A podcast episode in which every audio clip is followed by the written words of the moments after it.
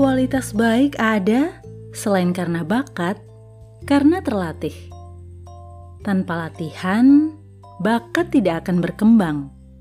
Bisa mandul, tumpul. Namun tanpa bakat, perlu kerja super keras untuk meraih keahlian. Setiap orang diberikan bakatnya. Perlu untuk masing-masing mengetahui dan mengembangkannya. Namun, bagaimana bisa mengembangkan jika belum mengetahui bahwa itu ada? Orang terdekat juga dapat melihatnya.